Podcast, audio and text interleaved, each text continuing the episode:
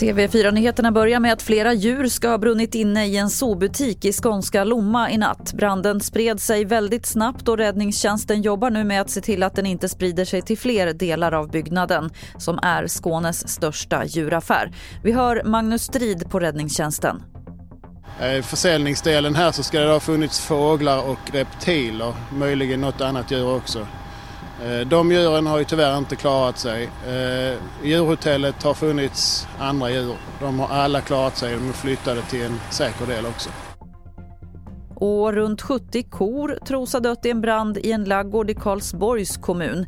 Hur det började brinna där är oklart. Polisen har startat en förundersökning om allmän farlig ödeläggelse. Det finns inga uppgifter om skadade personer. Till sist kan vi berätta att det är brist på snabbtester för covid-19 på flera håll i landet. En rundringning som TT har gjort bland de stora apotekskedjorna visar att flera har få eller inga tester kvar. Nya leveranser väntas de kommande dagarna men först i januari beräknas tillgången vara god igen. Fler nyheter finns på tv4.se. Jag heter Lotta Wall.